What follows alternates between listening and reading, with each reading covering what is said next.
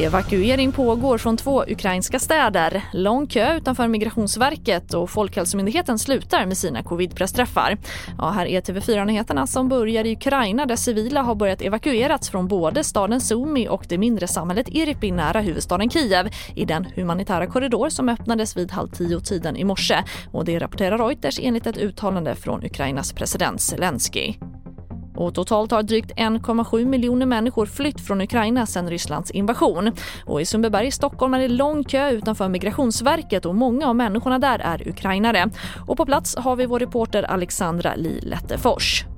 Ja, man kan väl uppskatta ungefär eh, upp till 300 personer, om inte mer, som står i köerna bakom mig på väg in till Migrationsverket. Och när jag gick igenom och pratade med folk här så och frågade vart de kommer ifrån så säger de Ukraine, Ukraine, Ukraina, Ukraina i princip alla. Det man väntar på här det är ju att främst nu registrera sig enligt EUs massflyktsdirektiv. Eh, EUs massflyktsdirektiv gick ju igenom nu för några dagar sedan. Det innebär då att man får tillfälligt uppehållstillstånd i ett år med möjlig chans till förlängning i ytterligare två år i EU. Och det är det som de flesta väntar på här, inte att söka asyl framför allt.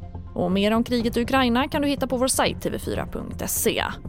Och vi avslutar med att efter drygt två år med pandemi slutar nu Folkhälsomyndigheten med sina regelbundna pressträffar om covid-19. Det uppger myndigheten i ett pressmeddelande.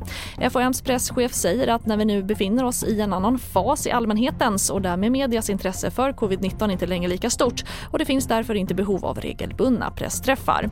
Pressträffarna har pågått sedan den 4 mars 2020 och totalt har Folkhälsomyndigheten haft 198 pressträffar om coronaviruset sedan pandemistart. Och det får sätta punkt för den här nyhetssändningen i studion nu, Charlotte Hemgren.